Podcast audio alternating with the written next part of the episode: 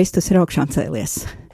Vēl joprojām lieldienu laiks, un šodien, pirmdienas 23. aprīļa vakarā, atkal pienācis laiks raidījumam vairāk tevis manī.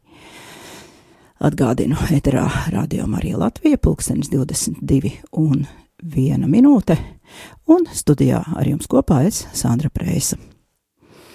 Eh, Kā vienmēr nosaukšu ētera telefonu, ja nu pēkšņi kādam rodas vēlēšanās man piezvanīt un padalīties kādos iespaidos vai uzdot kādu jautājumu, tātad eh, telefona numurs ēterā 67 969 131. 67 969 131. Un varat sūtīt arī īsiņas, ja vēlaties uz numuru 26 67 72 72. E-pasts vairāk tevis manī at gmail.com vai saziņa Facebookā. Šīs dienas tēma īsumā tiem, kuri nav skatījušies mājaslapā vai Facebookā, tātad tur šī informācija jau ir publicēta. Tātad šodien runāsim par zināšanu nozīmi, par gudrību, lai atpazītu situācijas, kurās mums vajadzētu būt gudriem vai nemaz nevajadzētu iesaistīties. Parunāsim mazliet par patiesu un viltus sevis mīlestību. Tas būs turpinājums tēmai, ko mēs runājām iepriekšējā reizē. Tāpat arī pieskarsimies jautājumam par pašu izdomātu gandarīšanu un pārbaudījumiem, kuri ir pretrunā ar veselo saprātu, arī tā mums gadās, un vai vienmēr viegli ir pazīt dieva gribu. Eh, Un par narcisēm. Jā, tas lai paliek varbūt dažiem kā intriga, bet tagad lūksimies. Kā vienmēr lieldienu laikā, lūksimies lūkšanu debesu karaliene Dieva tēva un dēla un svētā gara vārdā Āmen. Debesu karaliene līksmojies, aleluja! Tas, ko tu kā bērnu nesi, aleluja! Augšām cēlies ir kā teicis, aleluja! Lūdz Dievu par mums, aleluja! Priecājies un līksmojies, jaunā Marija, aleluja! Jo kungs ir patiesi augšām cēlies, aleluja! Lūksimies! Dievs! Tev ir lapaticis ar savu dēlu mūsu kunga Jēzus Kristus augšām celšanos iepriecināt pasauli. Mēs tevi lūdzam, aizbilstot viņa mātei Jaunavai Marijai, ļauj mums iemantot mūžīgās dzīves priekus. Caur Jēzu Kristu, mūsu kungu. Āmen! Un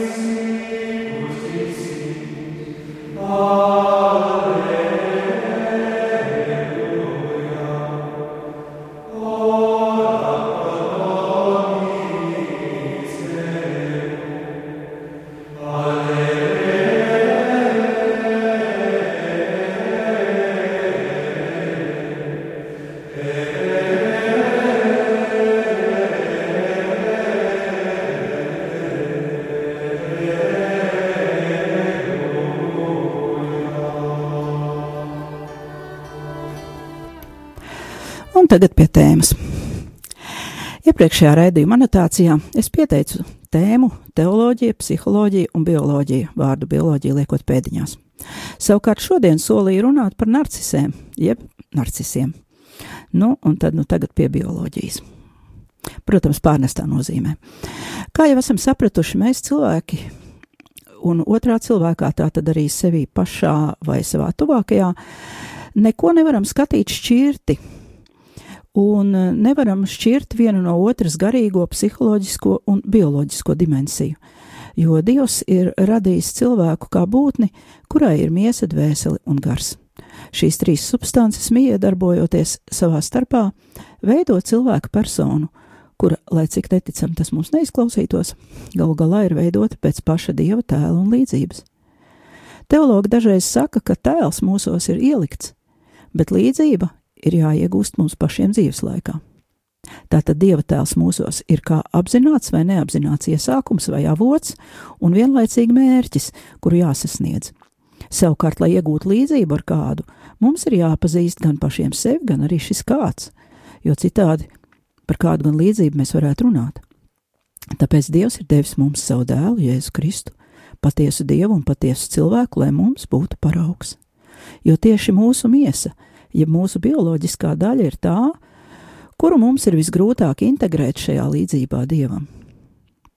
Tagad, kad tālāk raidījumā runāsim par dažādiem trūkumiem, mēģināsim skatīties divos virzienos - uz Jēzu un uz sevi vai lietas, kuras pieminēsim, ir atrodamas Jēzū, vai tās ir atrodamas manī pašā. Pievērsīsim uzmanību vienam ļoti svarīgam principam. Neskatīsimies uz citiem cilvēkiem, nesalīdzināsim sevi ar citiem cilvēkiem, ja salīdzinām, tad vienīgi ar Jēzu. Jo katram no mums ir tikai viens vienīgs paraugs, kam līdzināties, un vienīgi par sevi mēs atbildēsim pēdējā tiesā. Salīdzināšanās ar citiem cilvēkiem ved pie konkurences, pie skaudības, naida un dažādiem kompleksiem, arī pie lepnības vai mazvērtības. Skatiens uz Jēzu turpretī atklāja mums mūsu pašu apslēpto potenciālu, dieva dāvanu, kura ir dota katram no mums. Tāpēc, iepazīstot sevi, atklājot sevī īpašības, kur Jēzu nav, mēs saprotam, no kā būtu jātiek vaļā, lai arvien vairāk mūsos veidoto šī līdzība. Un tā līdz brīdim, kamēr stāsimies Dievu priekšā. Vakar, labā gana svētdienā, mēs klausījāmies kādu brīnišķīgu lasījumu no svētiem rakstiem, kur tagad nolasīšu kā atgādinājumu. Bet pēc muzikālās pauzītes ķersimies pie jaunu zināšanu apgūšanas. Un tagad lasījums no Svētā pustuļa Jāņa, pirmās vēstules, trešā nodaļa, pirmais, otrais pants. Redziet, kādu mīlestību Tēvs mums ir dāvājis, ka mēs tiekam saukti par Dieva bērniem, un tādi mēs esam. Pasaule mūs nepazīst tādēļ, ka tā nepazina viņu. Mani mīļie, tagad mēs esam Dieva bērni, un vēl nav atklāts, kas būsim. Mēs tomēr zinām, ka tad, kad viņš parādīsies, mēs būsim līdzīgi viņam, jo redzēsim viņu tādu, kāds viņš ir. Tie ir svēto rakstu vārdi. Tagad muzikāla pauzīte, un pēc tam turpināsim. Sārainās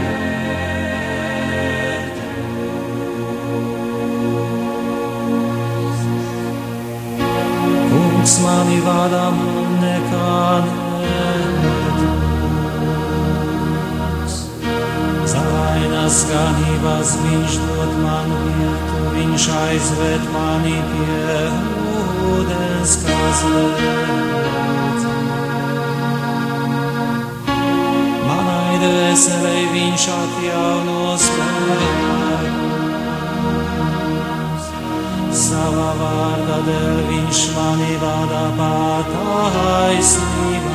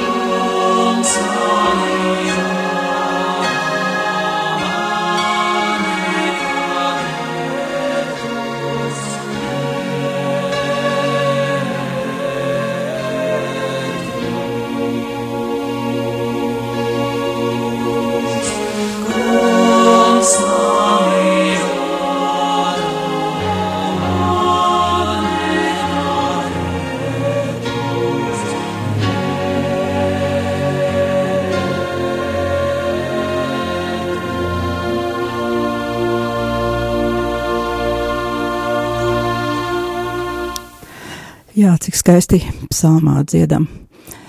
Kungs mani vada, man nekā netrūkst. Pirms psalma lasītie vārdi izskanēja ļoti iedvesmojoši. Mēs esam Dieva bērni, un vēl nav atklāts, kas būsim. Jā, tas ir atgādinājums par jau minēto līdzību Dievam un par to, ka mēs esam atpestīti Kristus nāvē un grēkam vairs nav varas pār mums. Tieši tā kā psalms dziedāja, ka mums nekā netrūkst. Kungs mani vada, man nekā netrūkst. Un tomēr apustulis Jānis savā vēstulē nākamajos pantos turpina runāt par patiesības tumšo pusi. Lai gan esam atpestīti un mums nekā netrūkst, un mēs esam brīvi no grēka varas, mēs nevienmēr dzīvojam atbilstoši savai augstajai cieņai. Citēju vēstuli, pirmo vēstuli pirmo Jāņa vēstuli, trešā nodaļa no ceturtā panta, tas ir turpinājums iepriekš lasītajam. Katrs, kas grēko, dara arī netaisnību. Arī grēks ir netaisnība, un jūs zināt, ka viņš parādījies, lai gandarītu par mūsu grēkiem, un viņā grēka nav. Katrs, kas paliek viņā, negrēko, un katrs, kas grēko, nav viņu redzējis, nav arī viņu pazinis. Bērniņi, lai neviens jūs nemaldina. Kas dara taisnību, tas ir taisnīgs, tāpat kā viņš ir taisnīgs. Kas grēko, tas ir no vēlna, jo vēlns grēko no sākuma. Tamdēļ Dieva dēls atnāca, lai viņš sagrautu vēlna darbus. Katrs, kas no Dieva dzimis, nedara grēku, jo viņa sēkla paliek tanī, un tas nevar grēkot, jo no Dieva dzimis. Dieva bērnus un sātana bērnus var pazīt tā: ik katrs, kas nav taisnīgs, nav no Dieva. Tāpat arī tas, kas nemīl savu brāli. Jo šis ir tas vēstījums, ko dzirdējāt no sākuma, lai jūs viens otru mīlētu. Ne tā kā Kains, kas bija no ļaunā un nonāvēja savu brāli. Un kādēļ viņš to nonāvēja? Tādēļ, ka viņa darbi bija ļauni, bet viņa brāļa taisnīgi. Citāta beigas. Tātad, ko mēs šeit sadzirdējām?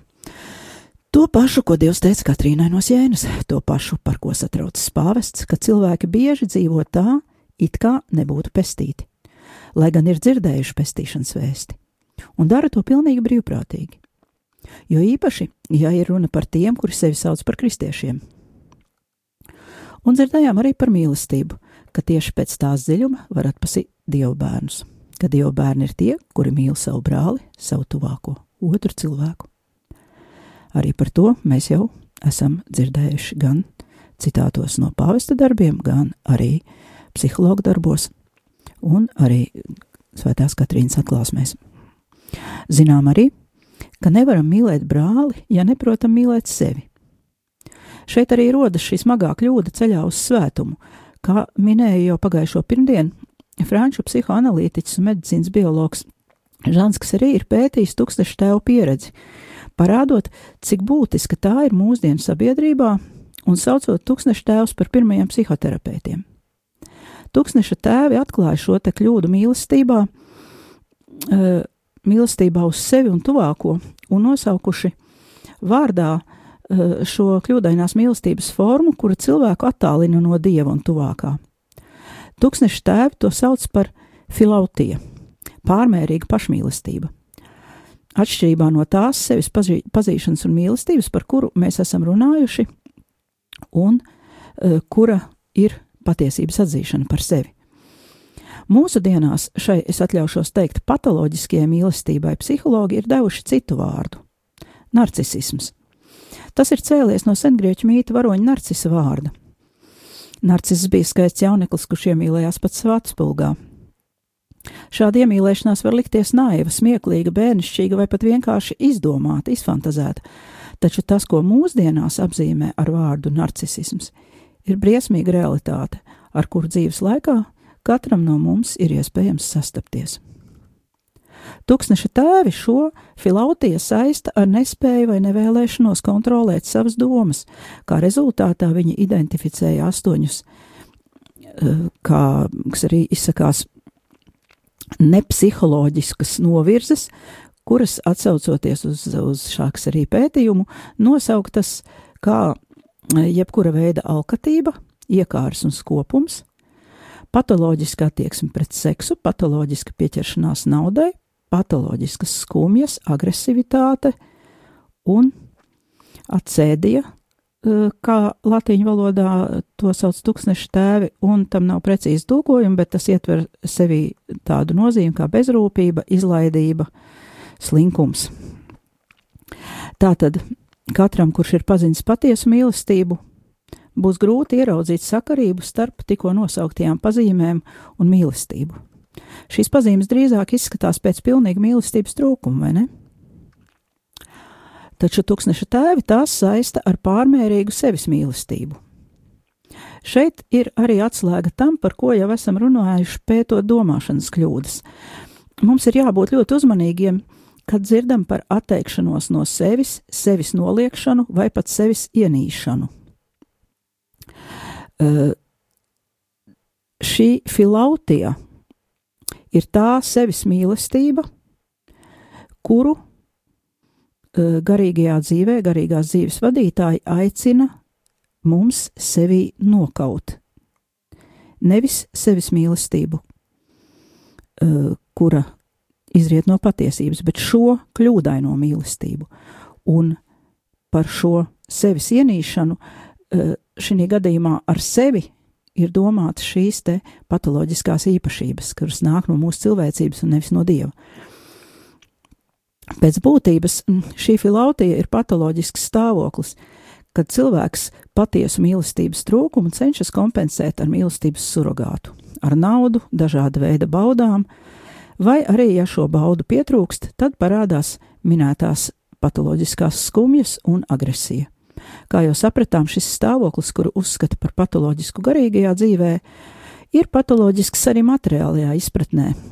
Tas kropļo kā garu, tā arī dvēseli un miesu. Tādēļ narcisismam pievērš uzmanību nevien kristīgajā pasaulē, bet arī sekulārajā vidē. Mūsu dienās, kad notiek atkāpšanās no vērtībām, kuras gadu tūkstošiem ir kopusi kristīgā tradīcija, narcisismam tiešā un pārnestā nozīmē ir sākušies ziedu laiki. Ja garīgie tēvi kādreiz ar to cīnījās, veicot garīgus vingrinājumus, tad mūsu dienās šis stāvoklis ir ieguvis diagnozes statusu. Laicīgajā vidē tas visvairāk ir pētīts ASV un Krievijā, bet arī Eiropā, īpaši Vācijā, šie tā sauktās uzvedības traucējumi ir definēti un tiek pētīti. Mums, kā kristiešiem, varētu likties, ka pietiek, ja veicam garīgos vingrinājumus. Tomēr viss nav tik vienkārši. Šai patoloģiskajai sevis mīlestībai pirmkārt ir saknes, jo ar tādu neviens nepiedzimst, tā veidojas dzīves laikā. Otrkārt, Tā nes briesmīgas sekas nevien to cilvēku dzīvē, kuriem tā piemīt pašiem, bet arī to cilvēku dzīvē, kuriem ir jādzīvo vai jāstrādā kopā ar narcisistiem. Līdzīgi kā mēs eh, oktobrī runājām par psihopātiem, arī narcisismu gadījumā varam runāt par spektru, jeb pazīmes dažādiem cilvēkiem izpaužas ar da dažādu intensitāti. Tas nozīmē, ka dažiem cilvēkiem šīs īpašības ir ļoti izteiktas un varbūt piemīt visas, un citiem eh, tās varbūt mazāk izteiktas vai visas neparādās.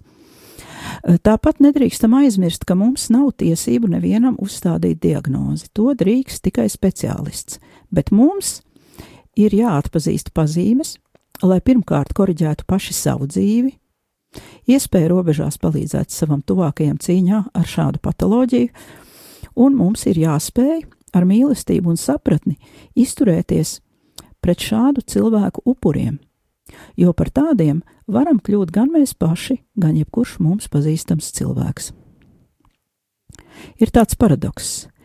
Narcisisti rada traumas, traumas rada narcisistus un sociopātus, un tas viss kā vāvers ritenī. Īpaši svarīgi šo informāciju būtu zināt tiem, kuri audzina bērnus, jo mazam bērnam šādas uzvedības novirzes ir koriģējamas un pie tam ļoti veiksmīgi. Teorētiski tās var koriģēt arī pieaugušam cilvēkam, bet, e, ja bērnam to var koriģēt vide un citi cilvēki no ārpuses, tad pieaugušais var koriģēt tikai pats, bet to nevar izdarīt, ja viņš pats nevēlas iesaistīties. Un visbiežāk narcisi to arī nevēlas. Psihologi saka, ka nepieredzējuši kolēģi pēc darba ar narcisu, ja narcis vispār ir izvēlējies apmeklēt psihoterapeitu, tad šie terapeiti paši pēc tam meklē psihoterapeitu palīdzību. ASV psihisko slimību reģistrā ar kodu F60,8 apzīmēti specifiski personības traucējumi, eh, angļu valodā disorder, nekārtība sajukums traucējumi, personal disorder, ja, tā tad personības traucējumi vai nekārtība. Un uh, zem šiem te traucējumiem uh, narcisisms nav vienīgais. Tātad tur tiek minēts arī ekscentriskums, uh, brieduma trūkums, pasīvs agresijas stāvoklis, psihoneirotiska uzvedība un tātad arī narcisisms. Pievērsīsim uzmanību tam, ka šie traucējumi neskaitās slimības, un cilvēki ir atbildīgi likuma priekšā, ja pārkāpj sabiedriskās kārtības normas. Taču tā kā tie ir tikai traucējumi, kur neļauj pilnvērtīgi iekļauties sabiedrībā un nevis slimība, šie cilvēki dzīvo mums kaimiņos, iet uz darbu, uz baznīcu, strādā algotu darbu, dibina ģimenes, rada un audzina bērnus. Tāpēc mums ir jāizprot šis fenomens, lai vajadzības gadījumā mēs nesabojātu dzīvi paši sev vai kādam citam cilvēkam, domādami, ka mēs rīkojamies kristīgi pēc mīlestības un pēc vislabākās sirdsapziņas. Tāpat mēs varam arī pieņemt kļūdainu lēmumu attiecībā uz to, vai Dievs vēlas dot man šo situāciju, lai es piedzīvotu pazemojumus un ciešanas savai garīgajai izaugsmai, vai tieši otrādi, lai es izmantotu savas zināšanas un dievišķās gudrības dāvanu, lai no šīs situācijas izvairītos. Vēl viena no smagām kļūdām, kuru mēs varam pieļaut, ir ilūzija, ka ar savu mīlestību varam atgriezt narcisu uz pareizā ceļa, Ja atcerieties, pagājušajā reizē mēs runājām par šo Sienas Katrīnas atziņu, uh, viņa teica, ka ja cilvēks ir ļoti, ļoti mīlēts, viņš sajūt šo mīlestību un agri vai vēlu pats sāk mīlēt. Nu, lūk, attiecībā uz narcisiem tas nestrādā. To ir novērojis vācu ārsts profesors Borvins Bandelos, kurš ir daudz pētījis cilvēku attiecības ar ļaunumu un pētījis arī narcisismu tā galējās izpausmēs, respektīvi noziedznieku vidē. Kādā intervijā viņš stāsta. Bieži vien narcistisku noziedzēju pielūdzējs ir sievietes, kuru vietā lēmumus dzīvē ir pieņēmuši citi, vai arī tādas, kuras ir pieļāvušas smagas kļūdas savu bērnu audzināšanā. Rūpējoties par noziedzniekiem, viņas cer vēr, vērst par labu visu bijušo. Šīs sievietes domā, ka dāvājot ļaundarim mīlestību, labais viņā ņems virsroku. Es zinu noziedzniekus, tostarp augstasinīgus bērnus lepkavus, kurus cietumā apmeklē pat 50 un vairāk sieviešu. Lūk, tāda ir šā ārsta liecība no prakses. Tā tad redzam, kā šo kļūdu izdara ļoti daudz cilvēki, un mums ir svarīgi tā tad zināt un atpazīt tādu situāciju. Bet tagad citēšu kādu pētījumu, kuru veikusi Krievijas žurnāliste Natāļa Kieņa. Tajā gan nebūs runa par noziedzniekiem vārdu tiešajā nozīmē, bet par cilvēkiem mums apkārt. Vai būsim uzmanīgi, varbūt par mums pašiem? Nu, es gan ceru, ka nē. Līdzīga situācija kā Krievijā ir vērojama visā postpadomju blokā. Iemesls ir vienkāršs. Mērķiecīgi tika iznīcināta inteliģence un garīgā kārta, cilvēki tika pazemoti un psiholoģiski traumēti. Tādēļ postpadomju blokā atšķirībā no Rietuma Eiropas un Amerikas Savienotajām valstīm šī uzvedības novirze tiek uzskatīta gandrīz vai par normu. Lai gan formāli, protams, narcisisms ir pazīstams kā uzvedības traucējumi. Kā tad atzīt morālu varmāku un turēties viņam pretī? Citēju eh, Krievu pētnieces darbu. Morāla varmācība, jeb angliski abuse, Krievijas kontekstā skaitās gandrīz vai par parādība, kura iekļaujas sociālajās normās. Tomēr realitātē uzvedība, kur uzskatām par gandrīz normālu, ir narcistisko personības izmaiņu sekas. Ja attiecībās ar šādu personu iesaistās psihiski vesels cilvēks, tādam cilvēkam šī tikšanās var beigties ar nopietnu psihisku traumu, nervu sabrukumu un var kļūt par dziļas depresijas iemeslu. Tālāk stāstīšu, kā atzīt morālo varmāku un sevi aizsargāt. Kas tad īsti ir narcisms? Pats vārds abuse tulkojumā no angļu valodas nozīmē ļaunprātīga izmantošana vai varmācība. Droši vien nav cilvēka, kurš savstarpēju attiecību kontekstā kaut reizi nebūtu saskāries ar kaut kādām izmantošanas pazīmēm. Taču retais no mums zina, ka šādas izturēšanās pamatā var būt neviens sliktas manieres vai neaudzinātība, bet gan narcistisku personas izmaiņu sekas, no kurām cieši viens no attiecību dalībniekiem. Citāta beigas. Autors šeit min 1 līdz 8% no iedzīvotāju skaita Krievijā, taču tas skan ļoti optimistiski. Esmu dzirdējis, ka Vācijā šīs novirzes esot visizplatītākās salīdzinājumā ar citiem personības traucējumiem, un visticamāk, ka Krievijā vienkārši nav precīzas statistikas. Tālāk autori raksta. Saskaņā ar Startautisko slimību klasifikātoru DSMV šos traucējumus var atpazīt pēc kopīgām pazīmēm. Uzmanību salīdzinām ar to, par ko runāja tūkstneša tēvi. Grandioza pašvērtības izjūta, fantāzijas par neierobežotu varu vai par ideālu mīlestību, ticība savai izredzētībai, nepieciešamība pēc īpašas atzinības izrādīšanas vai pielūgsmes, savu īpašo tiesību ilūziju, nosliec izmantot citus cilvēkus, nespēj just līdzi citu cilvēku pārdzīvojumiem, skaudība, augstprātīga izturēšanās. Šīs īpašības ar dažādu intensitāti izpaužas, veidojot savstarpējās attiecības ar citiem cilvēkiem. Cilvēks ar narcistiskiem traucējumiem ir fokusēts uz sevi, apsēsts ar ideju par savu pārākumu, klīniski nespējīgs uz empātiju, un nejūt sirdsapziņas pārmetumus par savām darbībām. Viņš cenšas padarīt nevērtīgu to, kas ir saistīts ar citiem cilvēkiem, bet idealizē to, kas ir saistīts ar viņu pašu. Pie tam narcisists necieš no halucinācijām, viņam nav maniakālu stāvokļu, un viņš atstāja pilnībā veselu cilvēku iespaidu. Perversie narcisisti, kā viņus vēl mēdz dēvēt, neizvēlas savus partnerus jeb upurus pēdiņās no vāju vai nepārliecinātu cilvēku vidus. Viņu mērķa auditorija ir spožas, attīstītas personības, pilnībā veseli cilvēki, labi audzināti un izglītoti. Tā mūsu redzējums šovakar tuvojas noslēgumam, neizbēgamam. Tā kā ar šo tad arī šovakar beigsim, un nākamajā reizē paskatīsim turpma, turpinājumu šim te pētījumam no Krievijas, un arī citus materiālus no amerikāņu pētījumiem, varbūt arī kaut ko no vāciešiem. Skatīsimies tālāk. Bet tagad paldies, ka klausījāties! Tas bija raidījums vairāk tevis manī, un es, Sandra Prēsa, no jums atvados.